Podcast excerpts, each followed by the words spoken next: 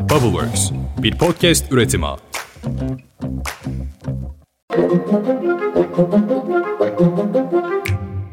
Günaydın. Bugün 11 Temmuz 2023. Ben Özlem Gürses. Bubbleworks Medya ile birlikte hazırladığımız 5 dakikada dünya gündemine hepiniz hoş geldiniz.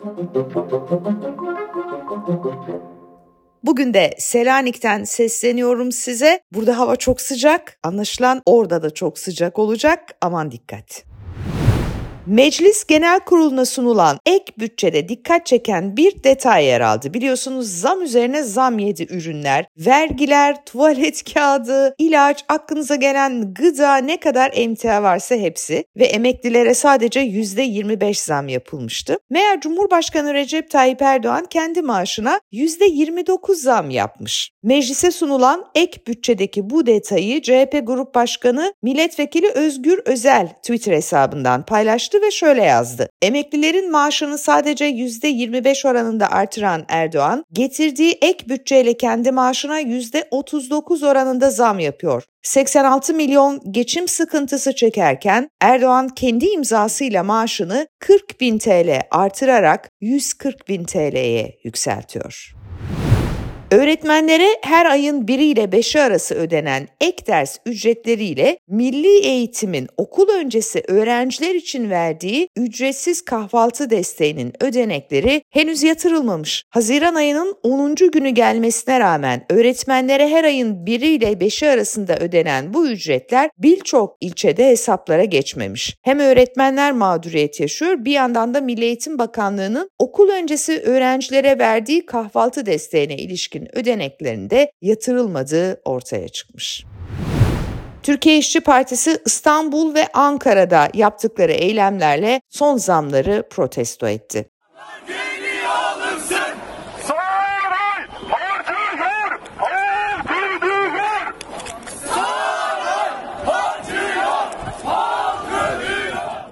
Ankara'da açıklamada bulunan tip üyelerine polis müdahale etti. Bazı göstericiler yerlerde sürüklendi. Müdahalede en az 20 kişinin gözaltına alındığı belirtiliyor. Ankara'da Maliye Bakanlığı binası önünde toplanarak yapılan zamlara tepki için açıklama yapmak isteyen tipli gruba polis izin vermedi. Bu ülke, bu halk satılık değil sloganı atan, aralarında il yöneticilerinin de bulunduğu Türkiye İşçi Partili gruba polis müdahale etti ve gözaltına alınanlar oldu. Abi sağ olun. Ben de çekiyorum abi.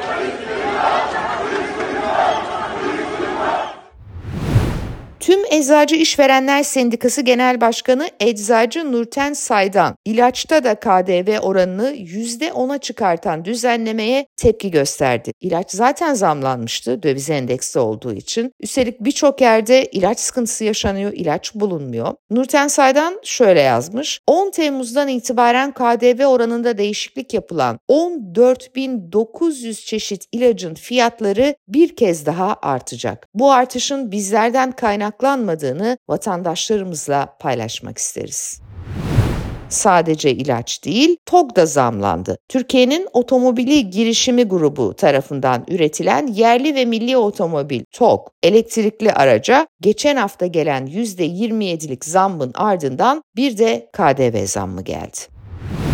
Bütün bu zamlar yaşanırken bir yandan da NATO zirvesi var biliyorsunuz. Litvanya'nın başkenti Vilnius'ta dün başladı. Litvanya'ya hareketinden önce havalimanında açıklamalarda bulunan AK Partili Cumhurbaşkanı Erdoğan bize verilen sözlerin tutulmasını istiyoruz. Önce Avrupa Birliği'nde Türkiye'nin önünü açın, biz de İsveç'in önünü açalım demişti. Erdoğan böyle dese de Cumhur İttifakı'nın ortağı yeniden Refah Partisi'nin İstanbul Milletvekili Doğan Bekin kendisiyle aynı fikirde değil. Bekin yaptığı basın toplantısında Avrupa Birliği Türkiye'nin önceliği olamaz diye konuştu. Duyalım.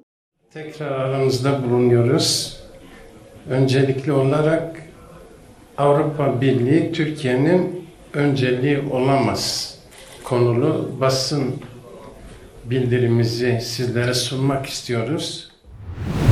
Ama ne Erdoğan'ın ne de yeniden Refah milletvekilinin sözlerinin bir anlamı kalmadı aslına bakarsanız. Çünkü Cumhurbaşkanı Erdoğan dün Vilnius'a indikten 5 saat sonra İsveç'in NATO katılımını Türkiye'nin onaylayacağını söyledi zaten. Cumhurbaşkanı Erdoğan NATO devlet ve hükümet başkanları zirvesine katılmak üzere gittiği Vilnius'ta NATO Genel Sekreteri Jens Stoltenberg ve İsveç Başbakanı Ulf Kristersson'la üçlü bir görüşme gerçekleştirdi. Zirveden sonra NATO Genel Sekreteri Stoltenberg, Litvanya'daki üçlü zirve sonrası Türkiye'nin İsveç'in NATO sürecini ilerletmeyi kabul ettiğini duyurdu.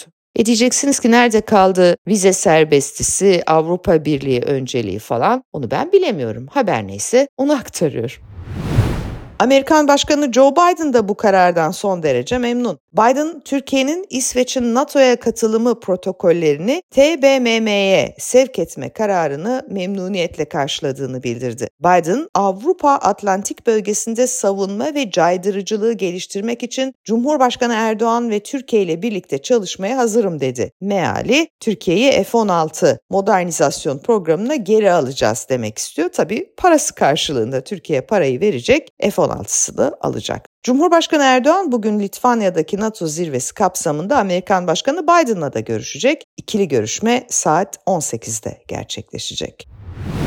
Avrupa Birliği ise kendi içindeki sorunlarla uğraşıyor. Fransa'da biliyorsunuz bir göçmen gencin polis tarafından vurulmasının ardından sokaklar alev alev yanmıştı. 25 Ağustos'tan itibaren itaatsizliğe ve nefrete çağıran paylaşımları kaldırmayan sosyal medya ağlarına yaptırım uygulamaya hazırlanıyor Avrupa Birliği. Avrupa Birliği Komisyonu'nun iç pazar ve sanayiden sorumlu üyesi Thierry Breton bir açıklama yaptı ve bu şiddet olaylarını destekleyen çağrılar, paylaşımların kaldırılmadığı durumda platformların büyük cezalar alacağını vurguladı. Bu cezaların mali yaptırım hatta Avrupa Birliği topraklarında faaliyetlerini sona erdirmeye kadar varacak adımları kapsayacağını söyledi.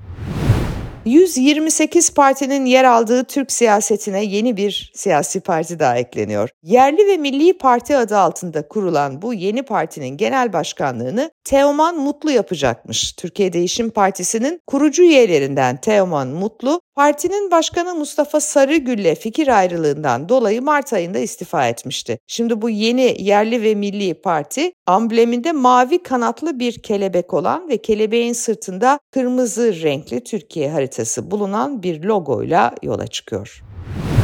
CHP milletvekilleri İletişim Başkanı Profesör Fahrettin Altun'a 25 bin lira tazminat ödeyecek. İletişim Başkanı Altun, CHP'li vekiller Bülent Tezcan ve Seyit Torun'la eski milletvekili Onursal Adı Güzel'e tazminat davaları açmıştı. 25 bin TL tazminat almaya hak kazandı.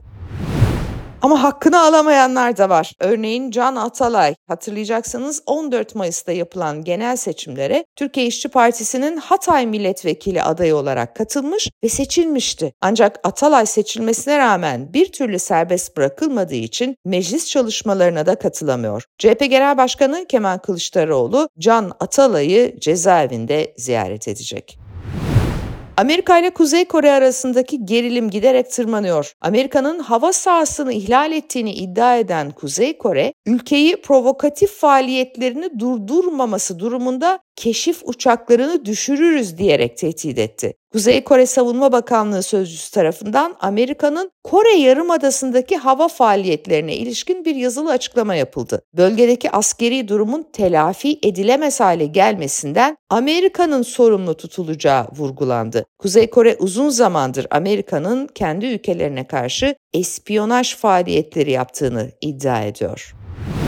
Son olarak meteorolojiden gelen bir uyarı var. Başta da söylemiştim hafta ortasından itibaren Marmara'da, Ege'de ve Akdeniz'de sıcaklıklar mevsim normallerinin 5 ila 10 derece üzerine çıkacakmış. Marmara'da, Ege'de ve Akdeniz'de özellikle yaşlılar, kronik rahatsızlığı olanlar ve çocuklar için 11-16 saatleri arası tedbirli olunması uyarısı yapıldı. Valla gerçekten çok dikkat etmek lazım. El Niño geldi biliyorsunuz son dönemin tarihi sıcaklık rekorları kırılıyor. O kadar ki Çin aşırı sıcaklar nedeniyle açık alanda çalışmayı tüm ülke genelinde yasakladı. Aman dikkat diyeyim yani bir de sıcağa kurban olmayalım yeterince sıkıntımız var zaten. Ben ise yarın da Selanik'teyim ve yarın da sesim kulaklarınıza Selanik'ten gelecek. Türkiye'nin en çok dinlenen haber podcastinde yeniden buluşuncaya dek. Hoşçakalınız.